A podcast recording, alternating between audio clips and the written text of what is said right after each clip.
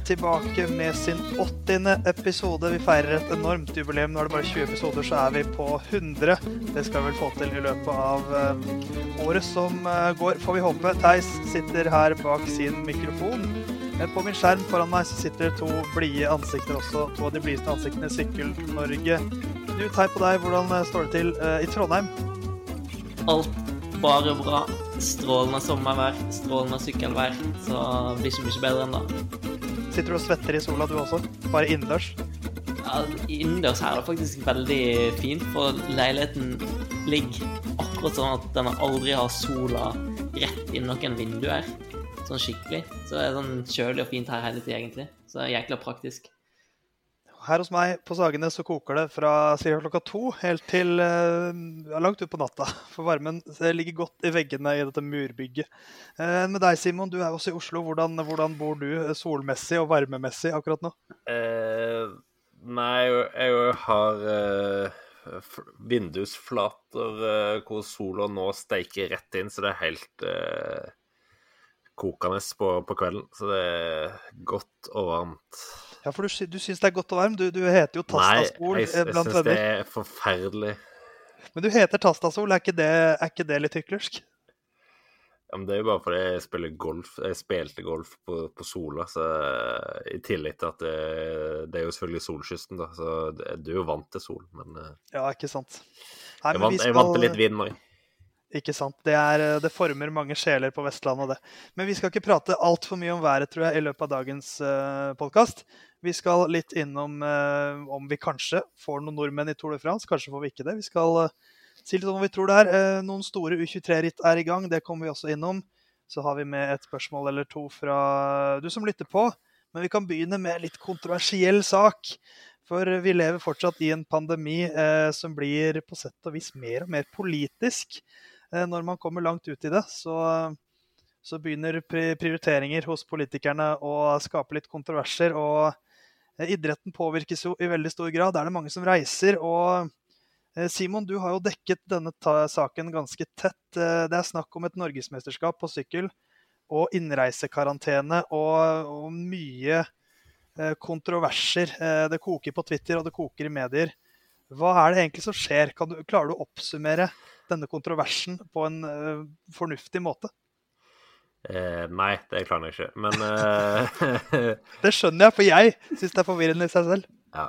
Nei, men altså, veldig kort forklart så, så har han jo uh, fjerna et tidligere skille mellom nødvendige og unødvendige utenlandsreiser. Uh, som da betyr at en får karanteneplikt, uh, uavhengig om det er en arbeidsreise, som jo det å reise ut på et sykkelritt uh, var definert som, eller om du har vært på ferie. Uh, og uh, så har idretten fått på plass et par unntak. Det er unntak for utøvere som er aktuelle for OL eller Paralympics i, nå i, i, Tokyo i, i sommer.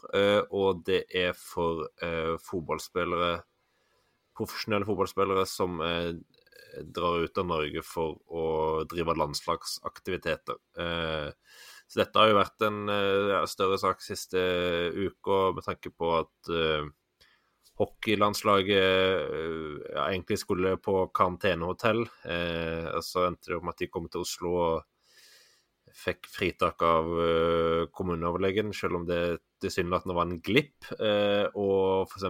Vipers, som hadde vunnet Champions League. Der var det jo noen spillere som, eh, som eh, måtte på karantenehotell, mens andre ikke måtte fordi de er aktuelle for OL-troppen til Norge. Eh, og for, for, syklistene så er det jo sånn at det er jo en bruttotropp, og det er de som Olympiatoppen mener skal være definert som OL-aktuelle.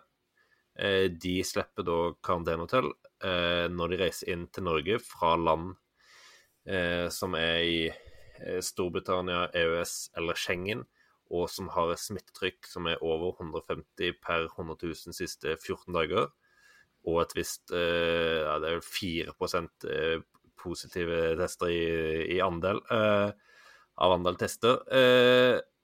De slipper karantenehotell hvis du er OL-aktuell. og kan teste seg ut av etter, altså hjemmekarantenen etter tre døgn, og dermed eh, kunne delta på treninger eller, eller ritt, mens eh, de som ikke er fritatt for dette, kan teste seg ut av karantenehotell etter tre døgn, og så teste seg ut av innreisekarantenen da etter syv døgn.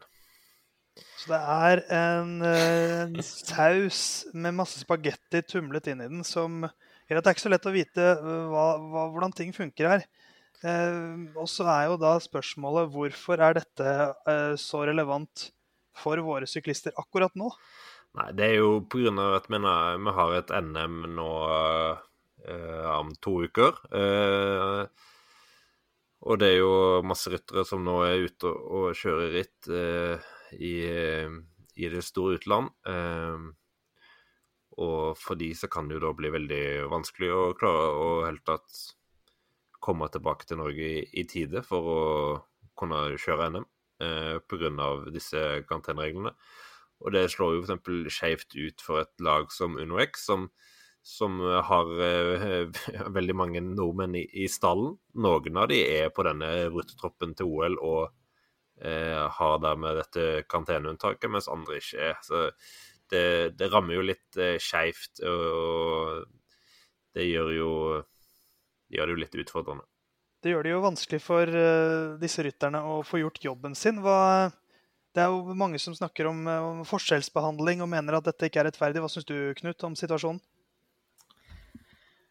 Eh, det er vel eh, liten tvil om at det er en form for forskjellsbehandling, all den tid de ikke har etablert noe skikkelig reglement eller definisjonsverk på hva som eh, bør falle inn under her. De har satt OL utover, ja, men så er det veldig mange som Simon nevner, som er regna som profesjonelle, eh, og som har det her som yrket sitt. Og det er strengt tatt nødvendige reiser for å utføre yrket sitt. Og det her med korona og regler og idrett blir jo bare mer og mer komplekst for hver dag som går. Og idretten på generell basis har jo vært veldig tålmodig, spesielt eh, breddeidretten. Eh, men det er ganske tydelig at det bobler ganske bra på mange fronter nå pga.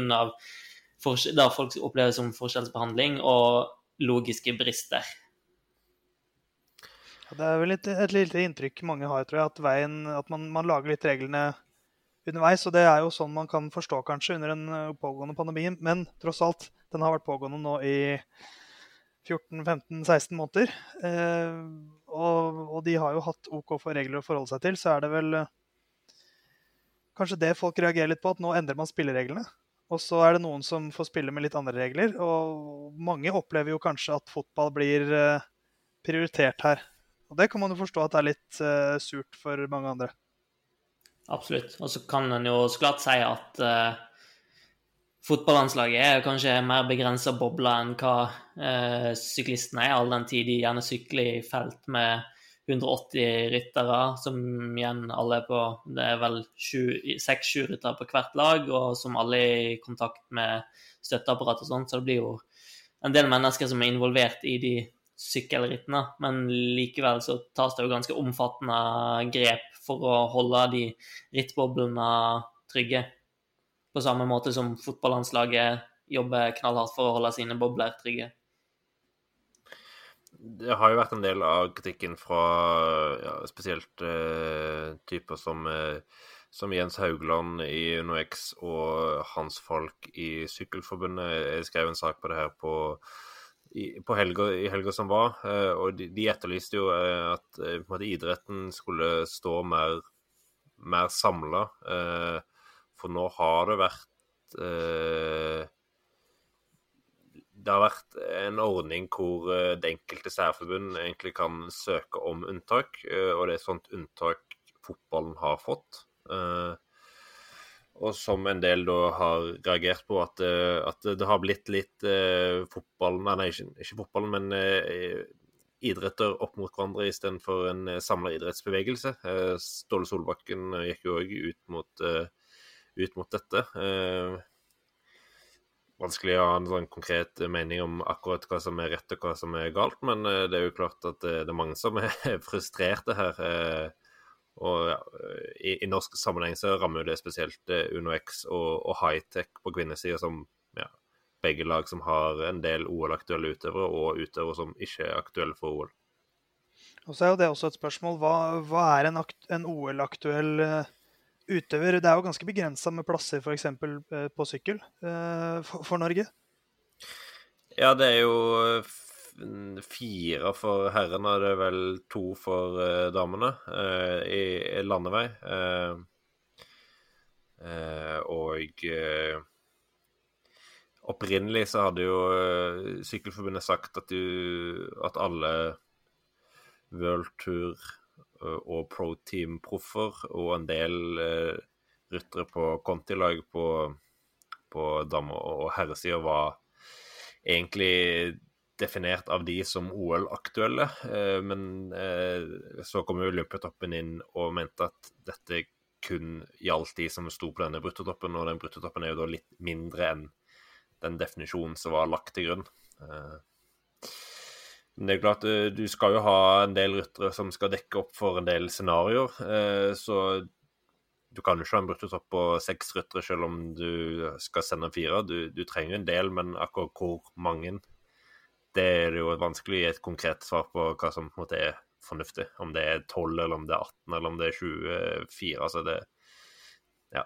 Det er mye skader, det er mye koronapositive tester. Altså alt Det er mye som kan skje. Ja, det, det, er jo fortsatt en veldig pågående situasjon, det her, og et eh, ganske kontroversielt uh, tema. Uh, på, avhengig av hvem du spør. Uh, så kanskje vi skal la den ligge og heller se litt mot det som kanskje kommer etter NM. For det er jo denne debatten er jo relevant for det som følger etter NM også. Det er jo en viktig del av, av sesongen for veldig mange. Og viktigere ritt kommer også da i, i sommer. Tour de France. Det er ikke lenge til det, til det starter. 26.6. Grand Par. Eh, forrige gang det ikke var nordmenn på start i Tour de France, om jeg husker riktig, var i 1999. Eh, det er noen år siden. Eh, men nå er det mye usikkerhet rundt de norske plassene eh, mulige plassene i Tour de France. Eh, Alexander Kristoff er ifølge rapporter på reserveplassen til UAE Team Emirates. Edvald Boasson Hagen tenker man kanskje er en mann som Total Direkte Energi vanligvis ville tatt med, men hva har egentlig Edvald gjort i år som gjør at han fortjener en plass? Si det. Så har vi Odd Christian Eiking som har hatt masse trøbbel, apropos eh, karantener. Og og eh, Amund Grødal Jansen kan man også trekke fram. Sven Erik Bystrøm har blitt uh, nevnt tidligere, men er vel ikke så aktuell. Så da vil jeg spørre deg, Knut, først. Ja eller nei, får vi noen nordmenn i Tour de France 2021? Ryker rekka vår i år? Nei, jeg tror ikke den ryker i år, nei. Um... OK, hvem er det du Da, da er oppfølgingsspørsmålet, som den hardt, hardt og pågående journalisten jeg er, hvem er det som kommer til Tour de France? Ja, Edvald har vel sagt at han var rimelig trygg på en plass, og da får man stole på det. Det er en grunn til at Total Direkte Energi henter han før sesongen. Selv om han ikke har prestert kjempebra, så er han en rytter med mye erfaring og har et høyt toppnivå. Og så fremt formen hans er bra, så tipper jeg at han er med i den troppen. Og så har jeg òg en god feeling på at eh, Amund Grønn Alliansen blir tatt ut. Eh, han var i bruttotroppen til Team Bike Exchange fra starten av. Eh, hadde en tøff vår. Eh, Sykdom i klassikerne etter Paris-Nice, så fikk aldri kjørt hva han var god for der. Men han viste bra form i Andalusia.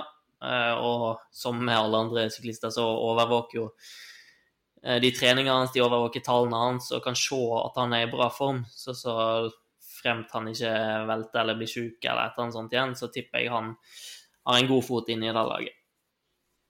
Ville jo vært en bra mann også for, eh, for Michael Matthews, så gir jo mening sånn taktisk sett. Men Simon, tror du Edvald har hjerte til å reise rett fra en nyfødt uh, datter med navn Henny, som har blitt født nå nettopp, gratulerer til Edvald Baasenhagen, rett fra et lite spedbarn? Er han så nådeløs mot sin kone og drar rett, rett til Tour de France? Ja, rett fra fødestua til Tour de France. Det er jo ikke første gang det skjer, men, uh, men støtter du Knuts tanker her, Simon? Eh, ja, altså det virker jo uh, fornuftige, fornuftige tanker. Uh, både Edvald og, og, og Amund er ryttere som ja, det har blitt signalisert tidlig at skal være med, eh, og det har ikke kommet noen kontrasignaler på det. Så enn så lenge så ser jeg ingen grunn til å tro at de plutselig ikke skal være med. Eh, Amund eh, viser jo stigende form etter våren, som Knut var inne på. Edvald har ikke kjørt så mye. Det er jo litt forståelig med tanke på eh, med tanke på familiesituasjonen der, at han ikke var ute og farta så veldig mye nå rett eh, før det. Eh, men begge de to skal jo kjøre nå i, i Sveits, og så lenge de ikke ser totalt håpløst ut der, så, så vil jeg tro de har en god fot innafor. Hva skal vi si om, om Edvald sin plass, da? Null resultater så langt i år, men når man ser på det totale direkte energilaget, så er det vel to ryttere der som har etappeseier i Tour de, France. Alexi Villemoss har én, og Edvald har tre. Eh, og han har jo fortsatt litt sånn eh, hva skal man si, stjernestøv eh, rundt seg som en, en stor profil. Så det er kanskje vanskelig for Total Direkte Energi å ikke ta han med også? Ja, altså Han er jo en profil. han er fremdeles et, fremdeles et stort navn. vil fremdeles få mye oppmerksomhet de eh, vil trenge en spurter. Det kan være at de velger Bonifazio, men eh, ja, han kan opplagt fylle en eh, rolle inn i det laget. Har vel skjedd rarere ting enn at en rytter som Edvald Baasen går i brudd og vinner en etappe. Det er mindre profilerte ryttere som har klart det. Så det er jo alltid, alltid muligheter, selv om Edvald ikke presterer på nivået han en gang gjorde absolutt uh, fortsatt muligheter. Uh, men det er jo en mann her som har jo vært vår beste i Tour de France de siste årene, som vi ikke har snakket så mye om foreløpig.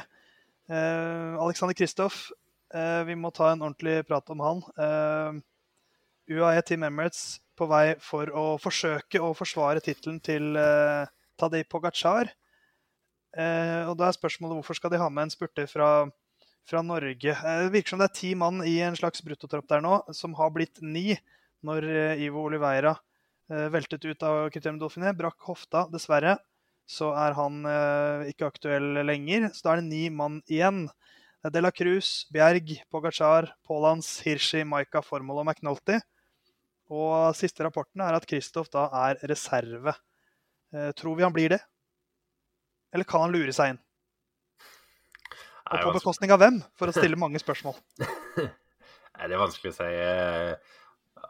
Christer sjøl har jo vært litt eh, fram og tilbake rundt denne Tour de og om han eventuelt skal kjøre Giro d'Italia. Så det har vært en del fram og tilbake i, i det hele tatt. Eh, spesielt etter at vårsesongen ble litt som den ble, eh, hvor han ikke helt fikk vist det han var god for pga. sykdom. Eh, så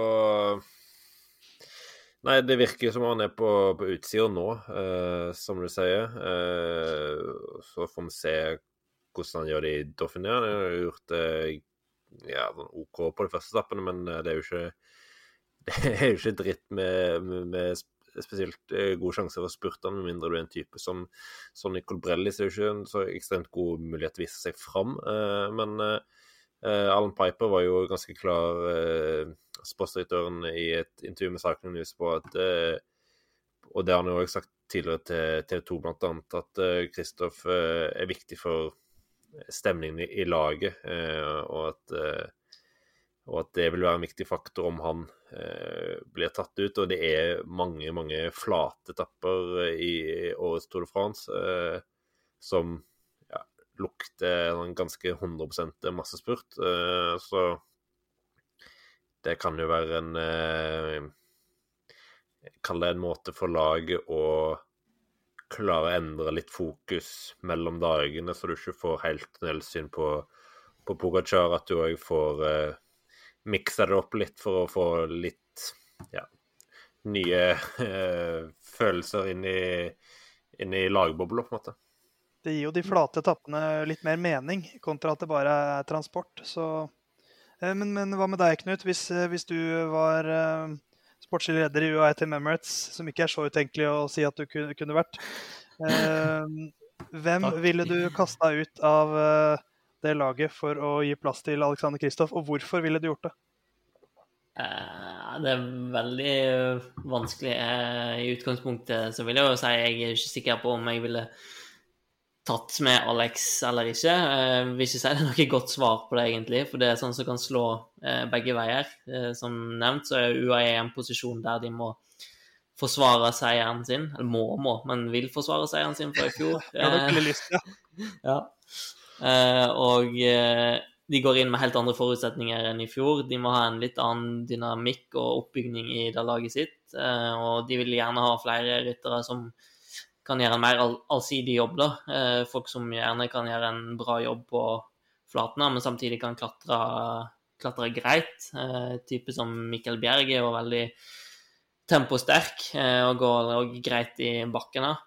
Men sånn jeg ser det akkurat nå, så er vel formålet kanskje den jeg ville sparka på på ræva ut, med tanke på at han kommer rett fra giroen. Var ikke veldig toneangivende mot slutten der. Eh, det kan sitte ganske bra i beina den giroen. Og så er jeg jo veldig med på argumentene til Simon om hva, eh, hvor forløsende det kan være med en Kristoff som kjemper om etappeseieren og kanskje tar en etappeseier på flate etapper. DJ Polar Bear. Ja, det var jo altså, Face of a Champion ble jo en greie i UAE-team eh, Emirates i fjor. og Hvis man ser på det laget som, de, som Pogacar hadde med seg da, da, han vant Tour de France i fjor altså Fabio Aro, som jo startet uh, rittet som delkaptein med Tadej Pogacar, ifølge i hvert fall offisielle uttalelser. Uh, de hadde Fabio Aro, altså David de la Cruz, Davide Formolo, Alexander Kristoff, Ega Sake Langen, Marco Marcato og Jan Pålands. Um, det, det, er jo også det var jo ikke et, et uh, kruttsterkt lag, sånn på papiret kanskje, uh, men gode topper. Og så er spørsmålet hva slags type hjelp er det egentlig Tadej Pogacar trenger? For han er jo ikke av typen, i hvert fall er mitt inntrykk, uh, at ikke han er en type som nødvendigvis vil eller trenger at hans lag skal ta kontrollen i de lange fjellene og svi av én og én. Det jeg tror han egentlig bare trenger, er en rytter eller to, helst to, da, som kan bare sitte der og gi trygghet helt til det smeller. Og så fikser han resten selv.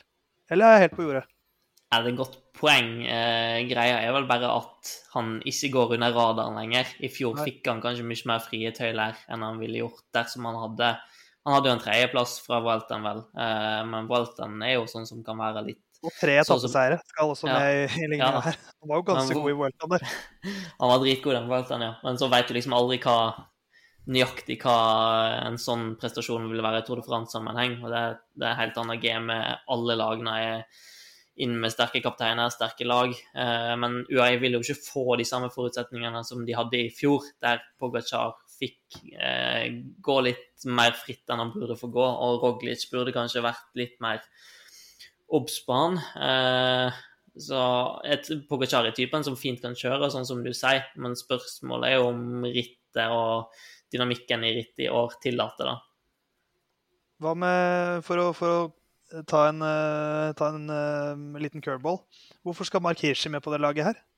Er han en bra hjelperytter? Hva kan han uh, bidra med? Han ble jo, Eller er han bare med fordi han er blitt lovet det? Tror, du, tror, vi, tror, vi, at Mark Hirschi er en god hjelperytter? Jeg kan jeg ikke se for meg det. Jeg tror han kan være en god hjelperytter. Uh, hvis det er spørsmålet. Jeg tror han absolutt kan være det.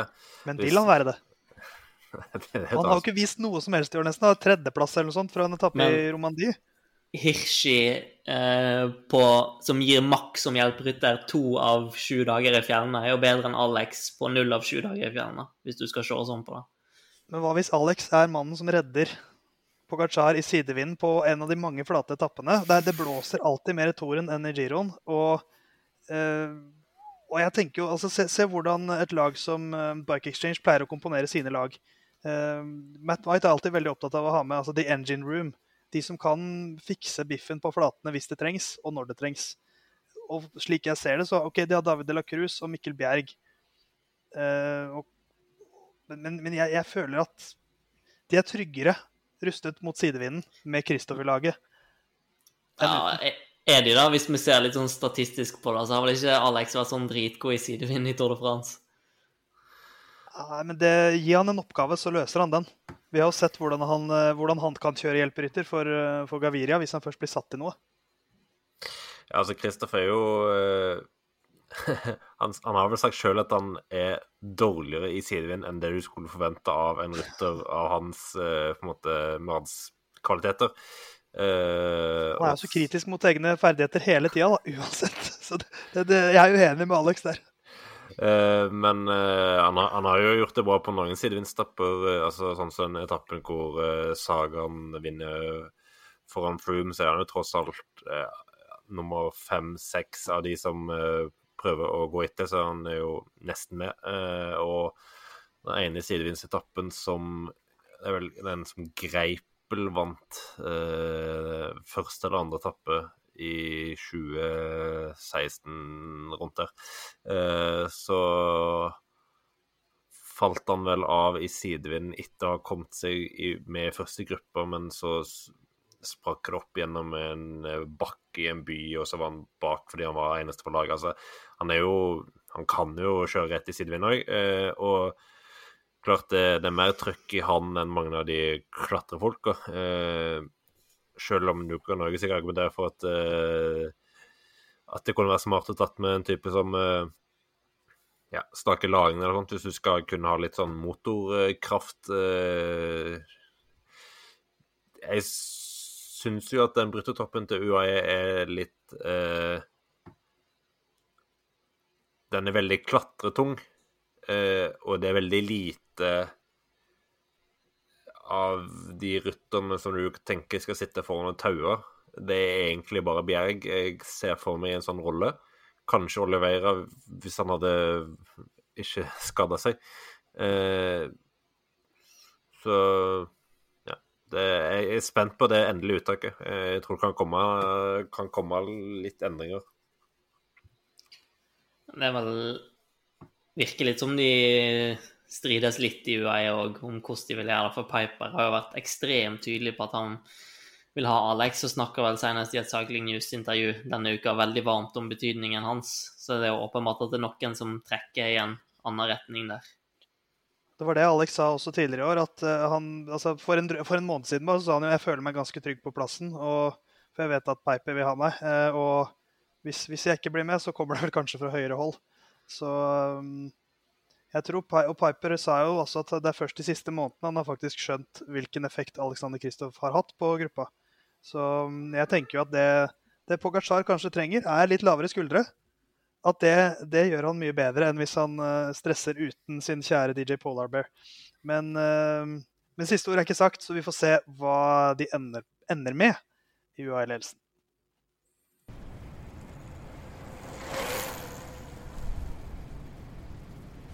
Hei! Adrian og Stien i Bioracer Norge her.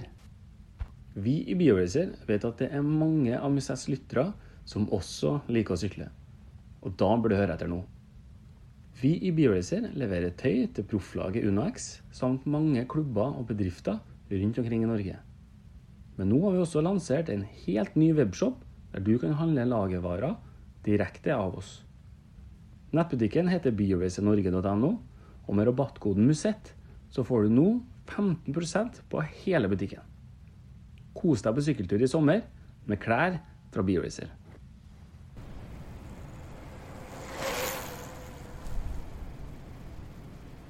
U23-syklingen er i gang igjen. Det har vært veldig lite av det det siste, siste drøye året. Eh, fredsrittet og eh, Baby Giron de eh, startet i dag, begge to, når vi spiller inn eh, dette, på torsdag 3.6. Eh, vi kan begynne med fredsrittet. Tsjekkisk U23-ritt for landslag.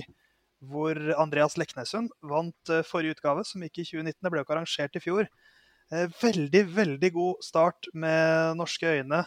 Søren Wernskjold på en drøyt tre kilometer lang prolog vant med seks sekunder. Det var like lang avstand fra første til andreplass som fra andre til tiendeplass.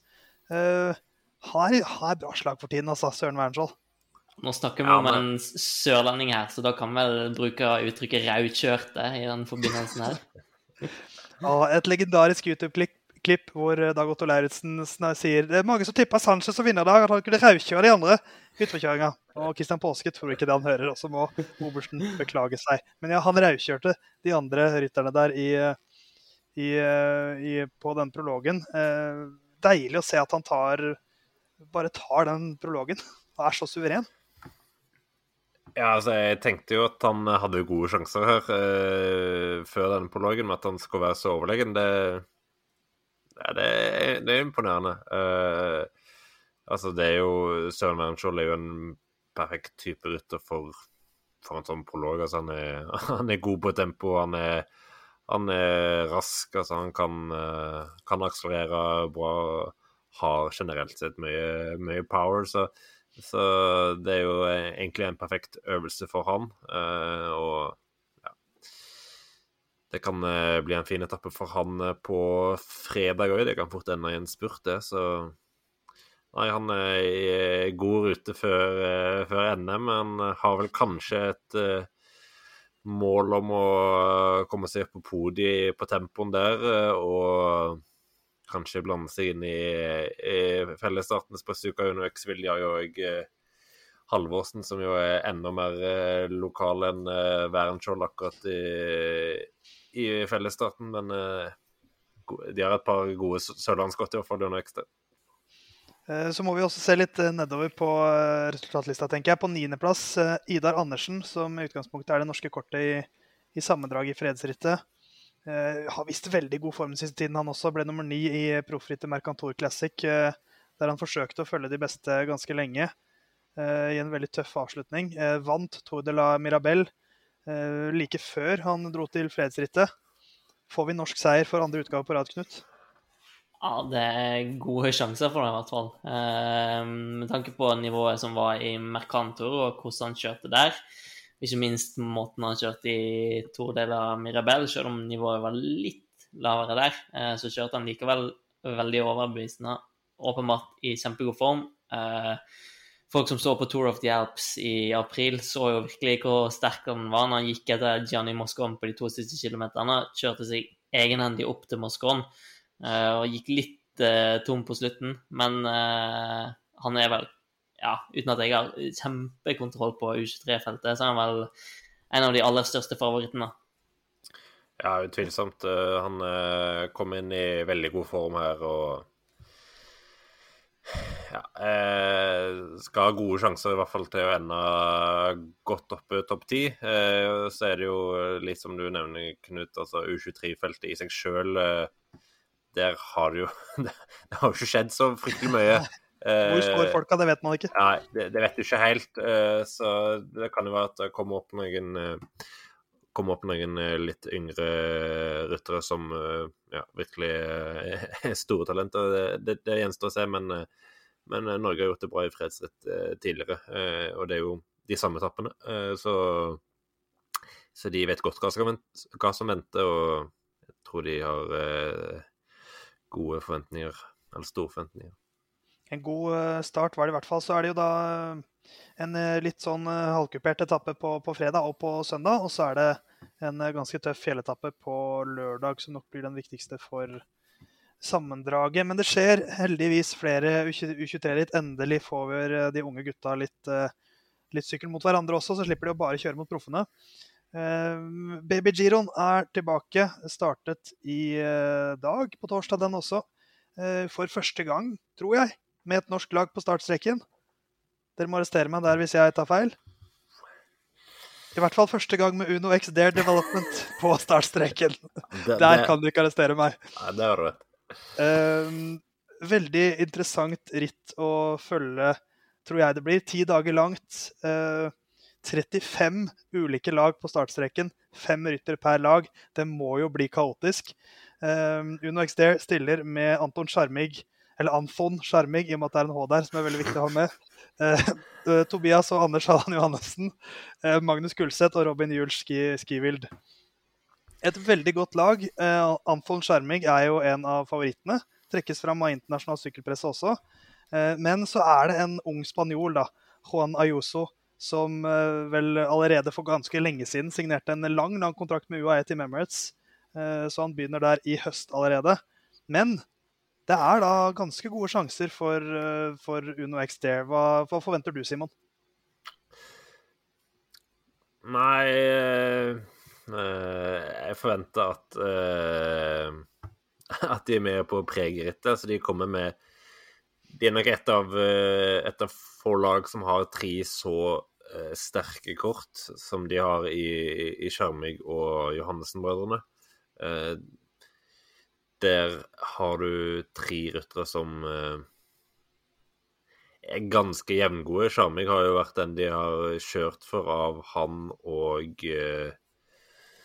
Anders eh, Johannessen eh, så langt i sesongen i Tyrkia og i Alpes Isère-tour. Eh, og som kanskje har det, det høyeste toppnivået. Eh, men de, er, de, virker til å være veldig jevngode. Eh, vi så jo i Tour of the Alps at eh, Tobias Johannessen var ja, veldig nær ved å, å, følge de aller, aller beste der. og det er jo det er et nivå høyere opp enn en Tyrkia, så akkurat hvor bra det, det er, det er vanskelig å sammenligne sånn eh, på tvers. Men uh, de kommer med tre veldig veldig sterke kort. Uh, resten av, eller de, de, to andre på laget er jo òg solide ryttere som klatrer, som klatrer fint og har en god kapasitet. Så, så det gjelder nok for uh, Uno der å ikke spille kortet ut for tidlig. Prøve å klare å spille på tre mann så, så lenge som mulig. Og så, hvis du sitter med tre mann topp ti inn i siste par fjelletappene, så, så, kan du virkelig begynne å sende ut det ene kortet til det andre, og, og på den måten knekke resten av motstanderne. De her U23-rittene er jo på generell basis eh, litt annerledes enn eh, vanlig proffritt. Utvikler seg gjerne i litt andre retninger enn eh, et proffritt gjør. Men eh, med tanke på nivået alle de tre eh, har vist, Charmig og Johannessen-brødrene, så er det ingen grunn til at de ikke skal kunne hevde seg her, når de klarer å hevde seg ganske bra i Tyrkia og Tour of the Alps. Eh, og de to andre som er med på laget, er jo heller ikke smågutter. Magnus Kulseth klatra jo ganske lenge med i Mercantour og var ganske, ganske sterk der. Og var vel kanskje proffdebuten hans Det tror jeg det var. Ja. Så eh, nei, det blir, eh, det blir, spennende. Jeg merker det er nok lurt å prøve å gli litt med feltet i starten, kanskje. Eh, for Anfon og Halland Johannessen-gutta. 35 lag på startstreken. Det er også ganske ekstremt. Vi er jo altså det er, fem, det er fem, fem ryttere per lag, så feltet er jo ikke ekstremt stort. Men 35 lag jeg ser på det akkurat nå. Høyeste startnummer er 346. Det er jo litt gøy. Det, det, må, det, må, jo bli et veldig vanskelig ritt å kontrollere. Det er ikke gitt at uh, storfavoritt Juan Ayoso er, uh, er immun mot å havne i vanskelige situasjoner her, når det er 35 forskjellige interesser på start hver dag. Nei, jeg tror det Verdens lengste bilkø? det må være ekstremt, faktisk. Nei, det er, nok, det er nok et ritt hvor du ikke ønsker å ha, ta ledertrøye til to dager, og så skal prøve å kontrollere ni dager. Det, da tror jeg du er rimelig på tannkjøttet halvveis i rittet. Så det er som du sier, Theis, eh, det er nok smart å prøve å gli litt med nå de første dagene, og så gire om når det trengs.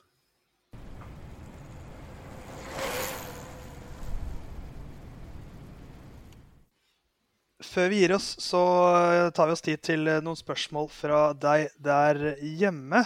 Um, still gjerne spørsmål til, til oss. Følg oss på Musettpodkast på, på, Twitter og på Facebook. Og bare fyr løs på hvilken plattform som passer best for deg. Uh, vi kan jo begynne med et uh, spørsmål fra Eirik Sausjord om Andreas Leknesund. Uh, nå har jeg ikke det spørsmålet foran meg. eh, amatør som jeg er. Men eh, hvis du gir meg noen sekunder, kjære lytter, så skal jeg finne det fram. Eh, der har vi det.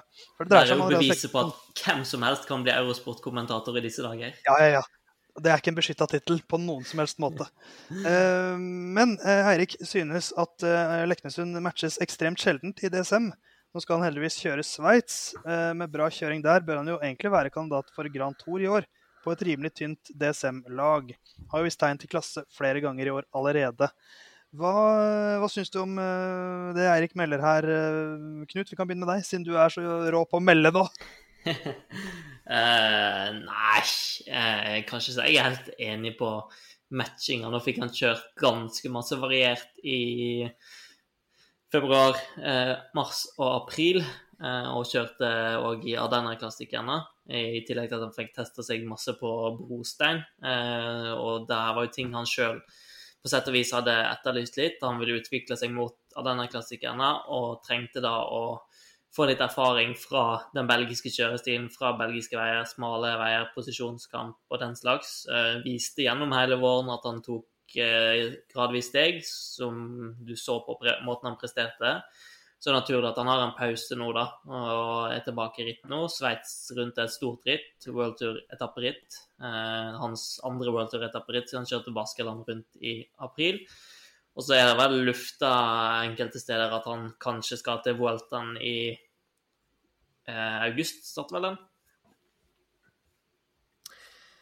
Den starter vel i august, ja. ja. Det ble sagt i intervju eh, med Det var Michel Eliassen i DSM eh, som eh, gikk gjennom eh, programmet hans eh, etter etter Eh, det var vel Bredene i eller Classic eh, i et intervju med Direktvelo. Eh, og der, der sa han jo da at han egentlig skulle kjøre Tour of Norway, og kriteriet de Dauphiné nå forsvant jo Tour of Norway vekk. Så det er jo litt av forklaringen på hvorfor det ikke har blitt noen ritt nå siden eh, Liège-Bastogne-Liège. Eh, og så ble det jo sagt at eh, han ville være aktuell for en plass i Voltan, så det, det, er jo et det er jo den Grand Touren eh, de fleste debuterer i, så det er jo et, hadde jo vært fint for Leknestuen å få en sjanse der. Da får han jo kanskje med seg Tobias Fossøy i en, en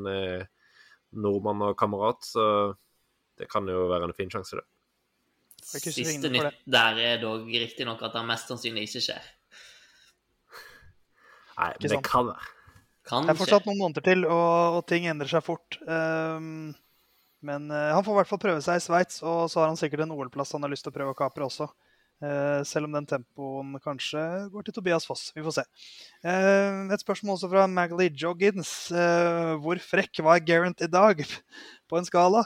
han refererer da til etappeseieren som Gerrant Thomas tok for ikke mange timer siden i det vi spiller inn dette, på den femte etappen i uh, Dauphiné. Hans første seier på en fellesstart, får vi si. Første gang han er først over målstreken i et sykkelritt siden Tour de France 2018, hvor han vant to etapper. Det var forrige gang han var først over målstreken i et sykkelritt. Han har vunnet Tour de France og Criterium Dauphiné sammenlagt. Uh, nei, og um, Tour de Romandie uh, sammenlagt siden. ja, hvor frekt Hvor frekk var Geraint i dag, Simon? Det var veldig Uh, uvanlig ting å se fra Nå sa jeg Simon, men Knut okay. er i mellomhumør, så skal du snakke, Simon? Nei, jeg ble bare, jeg ble snurt over at Theis eh, introduserer meg, og så kupper du showet. Men eh... ja, Jeg hørte ikke. Beklager. Klassisk. Bare, Knut er i mellomhumør. Men Simon, Simon, hvor frekk var Knut nå? jeg, hørte ikke, jeg, hørte ikke, Simon, så bare ta styringa du, Simon, så kutter Theis. nei, nei, nei. Dette blir med. nei, eh, Knut var særdeles eh, Særdeles, særdeles frekk. Eh, nesten like frekk som eh, Port og G i dag. Eh, nesten like dum som Michael Valgren, holdt jeg på å si. Eh, som av en eller annen grunn bestemte seg for å gå på en langspurt fra 500 meter med Colbrelli på hjul. Eh, nei, det var en fin manøver av Jern Thomas, det. det er jo, han har jo ikke sjanse til å bli topp tre i en spurt, så klart, hvis du har muligheten til å ta ti bonussekunder, så hvorfor ikke prøve seg? Og det, det lyktes jo fint. Ja, nå var... kan du se noe, Knut. Ja. Knut er livredd nå. Nei, det var rimelig tekstbook, da. Altså, det var en krapp 180 graders sving. Eh, Thomas gikk først inn med port på hjul. Ganske tydelig at de eh, gikk inn for å komme først gjennom den svingen. Og så bremsa vel Port litt opp gjennom svingen, og Thomas fikk ei luke og bare kjørte. Eh, ganske uvanlig ting å se fra Ineos, at de kjører, kjører, sånn, så det var jo kult. Eh, og ekstremt spennende finale med feltet som jaga der, og Sonny Colbrelli som kom i enorm fart. Og begge to var litt usikre på hvem som hadde tatt det. Så jeg hadde høy puls og hadde et lite sånn oh! når de gikk i mål. For, jeg, for eh, det var jo sjukt jevnt sånn eh, ved første øyekast, men så så vi jo på reprisen at det var en i hermetegn klar seier til Thomas. He det du sa? helmet off, var det ikke det Garen Thomas sa? Da Colbelly kom forbi. Ja, han sa det. Hva var det du sa når eh, du var i, i buet, Theis? Hva var det, du sa? Og målstreken husker jeg ikke i, i farten. Nei, jeg meldte Garen Thomas her, jeg. Ja. Så jeg tok Jeg hadde rett. Nei, men det, det, var, eh, det var gøy å se, syns jeg. Man ser, jeg. Jeg føler man ser litt um, den banehistorikken til Garen Thomas der. At han har, han har veldig bra trøkk, egentlig. Eh, og det så vi også da han vant Tour de France. Måten han på mange måter avgjør på, var jo eh, med å vise sin eksplosivitet mot slutten. Og han har jo også trukket Edvald Baasen Hagen til, eh, til, etappeseier i Tour de France, riktignok for mange år siden. Men, men han er mer eksplosiv enn veldig mange andre Grand Tour-ryttere. Og gøy å se han vinne igjen, selv om det betydde den tredje andreplassen for Sonny Colbrelli på fem dager. Men nå har jo han vunnet en etappe, så han får, han får leve med det. Så må vi også nevne Sven Erik Bystrøm, som gikk i brudd mot slutten av etappen. Eh, Ble liggende alene, og da ble det litt vanskelig. Men eh, gøy offensiv kjør. Eh, Så er det mye fjell nå utover i, i Kitem de Dauphiné de siste tre etappene gjennom helgen. Så Geraint Thomas i hvert fall virker å være påskrudd i år. Eh, er nok ganske gira på å bevise at den Tour de France-seieren den var ikke noe enkelttilfelle. Han har nok lyst til å kopiere den bragden, tror jeg. Ja, du har jo som regel det, tror jeg. Så Nei, Han bare Eh, har festa litt først. ja, ja, ja. Nei men eh, klart eh, Det hadde vært moro med hvis Injos kommer inn i Tour de France og har en reell utfordrer til, til seieren. Og det virker det jo som de har nå, for Thomas virker Riktignok skjøt han en eh, stinker av en tempo, eller han eh, disponerte han elendig, men eh, det virker som han er i, i bra slag. Og ja, Pogacar, Roglic, Thomas, det kan bli en fin, eh, fin kamp, det.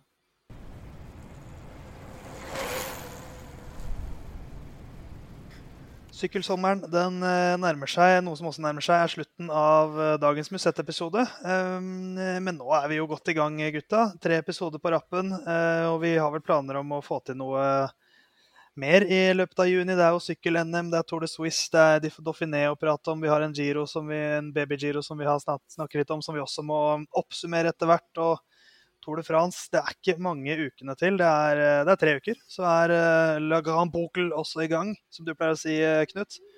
Eh, Jeg hva pleier å gleder du det, deg i mest hvert fall. Jeg sier det ikke sånn. Du pleier alltid å si det. Du bare tør ikke å si det på lufta. Simon, hva gleder du deg mest til i måneden som kommer? Eller, eller perioden før Tour de France, for å si det på den måten. Eh, mm, nå satte vi veldig sånn on the spot.